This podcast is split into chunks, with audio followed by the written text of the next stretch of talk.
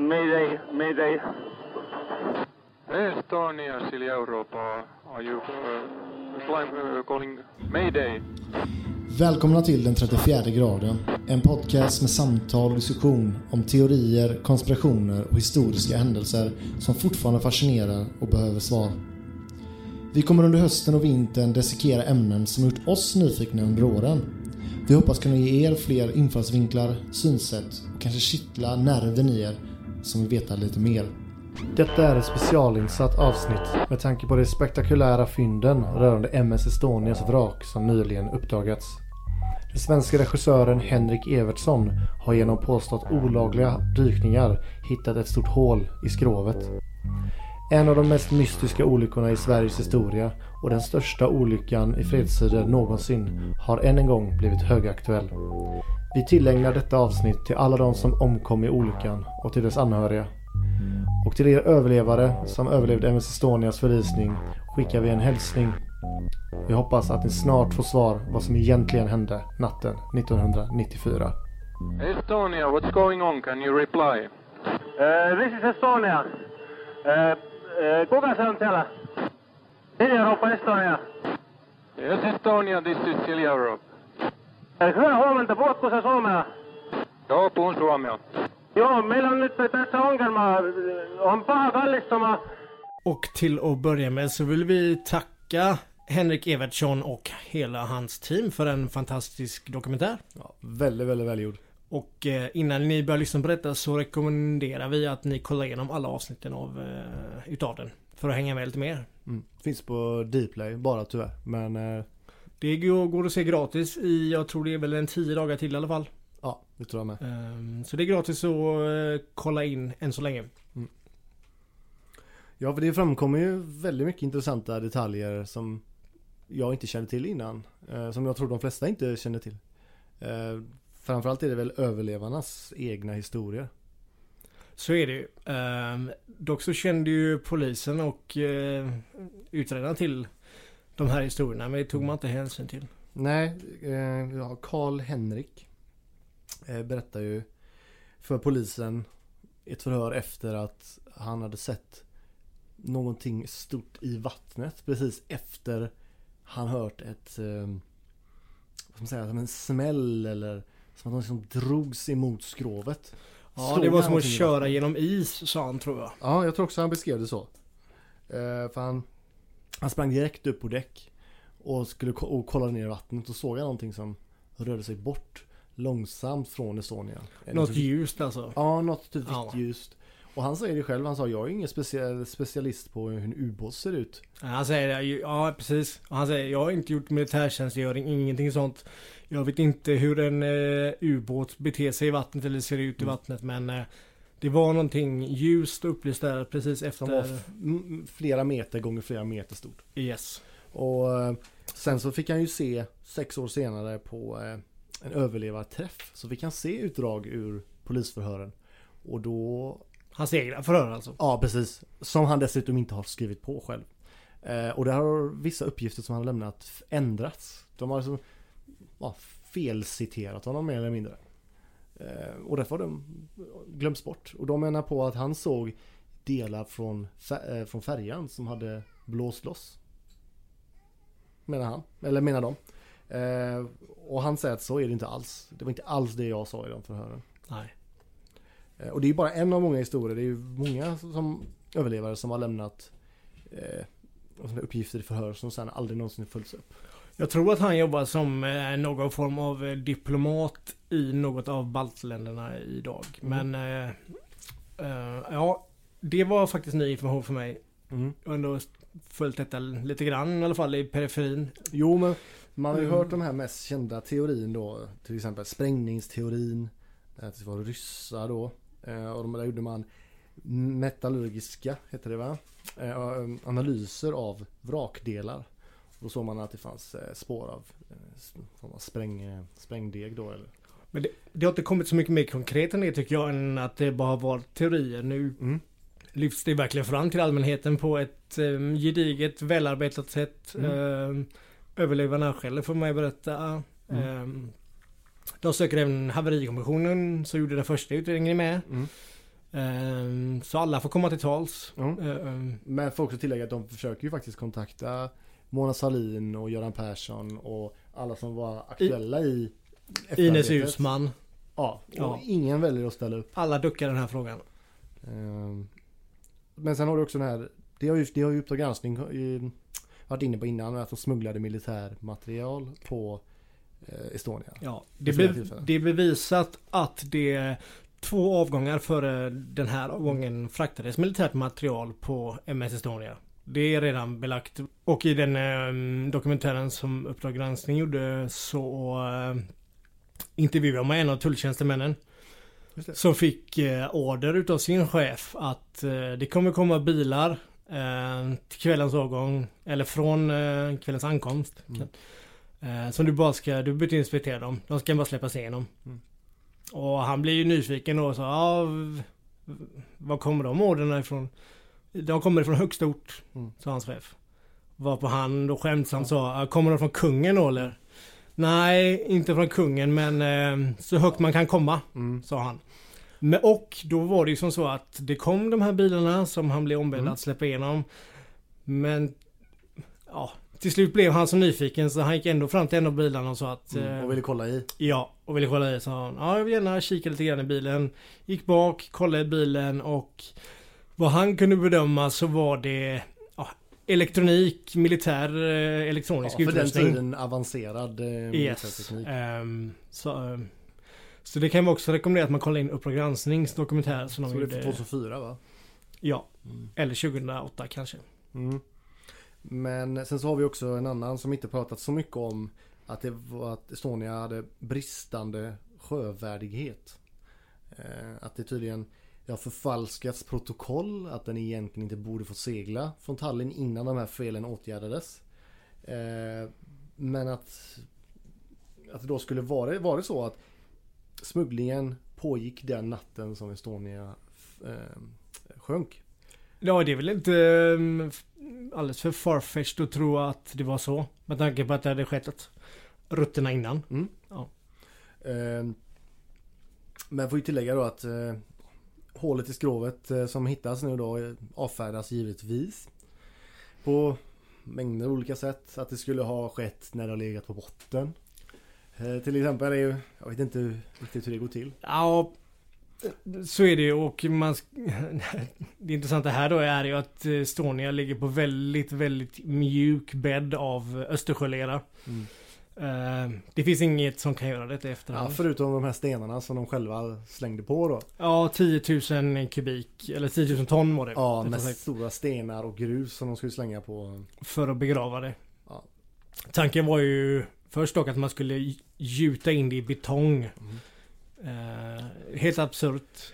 Helt absurt ja. Jag menar det gör man ju. Det gjorde de ju över eh, i Tjernobylreaktorn gjorde man ju det. För att täcka över bort strålning. Ja. Men vad försöker de, vad är det man försöker skydda? Nej, bara några veckor innan så eh, hade man nog gått ut med att eh, vi ska bärga Estonia. Kosta vad det kosta Mm. vill. Exakt. Ehm, och sen kovänder man och nej, vi gjuter ett betongtäcke över henne. Mm. Undrar väldigt intressant hur Ja, det är den... tvära kast. Mariella, Silja Europa. Ja, Mariella. Jo, hej. Hör du, ser du Estonia? Nej, men jag ser en röd raket nu. Ja, det, det är väl någon blås eller någonting. Vi ser den på vår styrbordssida. Okej, vi stävar ditåt. Och något annat som var intressant om man ska fortsätta på den teorin med den militära smugglingen så är det ju också ett vittne i, i dokumentären som berättar att eh, för det var som så att färjan var 15 minuter sen Exakt. eh, vid avgång. Och, Ja, en kvinnlig överlevare där. Yes, eh, som i dokumentären berättar att hon stod på däck för hon skulle vinka av sin pappa Mm. eh, när hon skulle åka hem igen och eh, ser då att det kommer flertalet militärfordon som körs på båten i sista minut. Mm. Som Mm. står alltså precis innanför bogvisiret då. Yes. De kommer på sist på båten och det är därför man är 15 minuter sen eh, från Tallinn. Den kvällen. Hade jag inte heller hört talas om innan dokumentären så det är en väldigt intressant Mm. detalj. Inte så, ja. Ehm. och sen tycker jag intressant att det finns ju uppgifter om att det var, gjordes dykningar innan de här så kallade officiella dykningarna då. De som Eh, ligger till grund för de- haverikommissionens eh, utredning. Och de britterna där som Ja. eh, var där och eh, svetsade i hål för att ta sig in. Eh, och de här dykarna säger ju att vi kan ju, det är inte alls svårt att bärga de här kropparna från Nej, här. Men, några timmar kommer det ta men eh, sen är vi klara. Mm. men det var inte deras uppgift. Så det var bara för dem att lämna kvar kropparna. Ehm, men det som jag tycker är väldigt intressant med de här banden då som de var nere och filmade där 94, 95 och dök. Att de släpptes i sin helhet. Men trots att de är i sin helhet så är det klipp i banden. Och vad är det som man vill dölja med de klippen då? Det kan man undra. Och det hävdas ju att eh, Sverige har trollat bort eller eh, gömt. Eh, Olika An- typer av bevis. ja, Eh, och Est- eh, Estlands premiärminister tror jag det var. Han var ute och eh, sa det att Sverige har ljugit om, eh, om detta. Ja, eh, Sverige ljuger ju inte om eh, Estonias förlisning. Men det är, den gode Ja. Löfven sa ju att det har vi absolut inte gjort. nej. Det är ganska onödigt av av han att säga det för att det blir ändå inte han som blir skyldig. Det var ju inte han som ljög eller det var ju inte hans fel. Ja, det var eh, var inte det... Ja, det var ju Carl Bildt slash Ja. Ingvar Carlsson. Det, men det har man ju duckat från eh, alla håll och kanter den här frågan. eh, Mm. Trots Ända sedan- att man har nu då kommit att man ska göra ett, en gemensam eh, undersökning av detta igen. Mm. Sägs det. Det verkar som att Estland är väldigt eh, benägna om att göra en ordentlig undersökning. Eh, Det är de absolut. Eh, Men eh, Sverige har sagt att, så var det. Eh, Sverige har sagt att man inte tänker göra några undantag från den gravfrid som är utlyst Mm. kring Estonias vrak. Och det innebär i praktiken att man kan inte göra några fler dykningar i alla fall som det är just nu. Men hur ska man då gå till botten med det? Bra fråga. Ehm, det har kommit in en fråga från i riksdagen från någon sverigedemokrat som har ställt samma fråga till Stefan Löfven tror jag att eh, det här finns filat på eh, riksdagens hemsida. Att hur eh, vad är det för typ av undersökning ni ska göra och hur ska ni göra det utan att frångå eller kringgå den gravfrid som är Mm. utlyst. Så det blir intressant att se det svaret. Men frågan är om det är så att om ett av länderna, om vi tar då Estland i det här fallet, om de väljer att, att riva kontraktet gällande gravfrid. Kan de då gå ner utan Sveriges tillåtelse? Eh, Det borde de väl kunna göra men... För att då ehm, gäller inte det kontraktet längre, tänker jag. nej, jag vet inte vad det skulle få för konsekvens att frångå det kontraktet. Med den eh, diplomatiska kanske. Men om vi följer så som de gjorde i dokumentären då att de kom med en tysk båt och Tyskland har inte skrivit på. Då skulle man ju egentligen kunna skicka ett stort team från Tyskland bara. Så är det ju. Det här kommer man ju gå runt. Det är ju bara... Ja. Jag tror nog det har, det liksom, Nu det har det fått sån stor boom också så att Ja. det här kommer ju folk ta tag i. nu kommer det dykas där på och man ser ju det när man är nere där. Alltså det, de kan ju se jäkligt långt. Liksom. Vattnet är ju helt klart. Ja, det var helt klart eh, när de var nere och dök. Ja, det såg nästan där overkligt ut. Ja, jag är själv sugen på att sticka dit senare ikväll. Ja, ja gör du det då så sitter jag kvar i båten. Yes. Eh, men lite eh, intressant detalj är ju att Estonia sjönk på 50 minuter ungefär.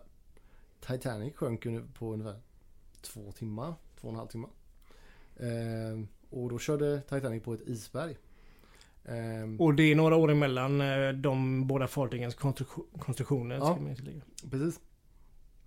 Eh, men har du också då med att eh, det fanns ju däck under bildäck där bogvisiret satt. Och det är ju anledningen till att den sjönk enligt haverikommissionen. Bogvisiret lossnade. Men det finns ju väldigt mycket uppgifter om att det var vatten under bildäck. Innan bogvisiret slets av. Så då måste det ju finnas ett annat hål någonstans. Och det är ju det hålet som de har upptäckt och jag gissar att det är därför de valde att gå ner. Eh, för precis efter när de kom i land och överlevarna då var det flera från maskinrummet som hade sett övervakningskameror över bildäck. Och då kom vattnet underifrån.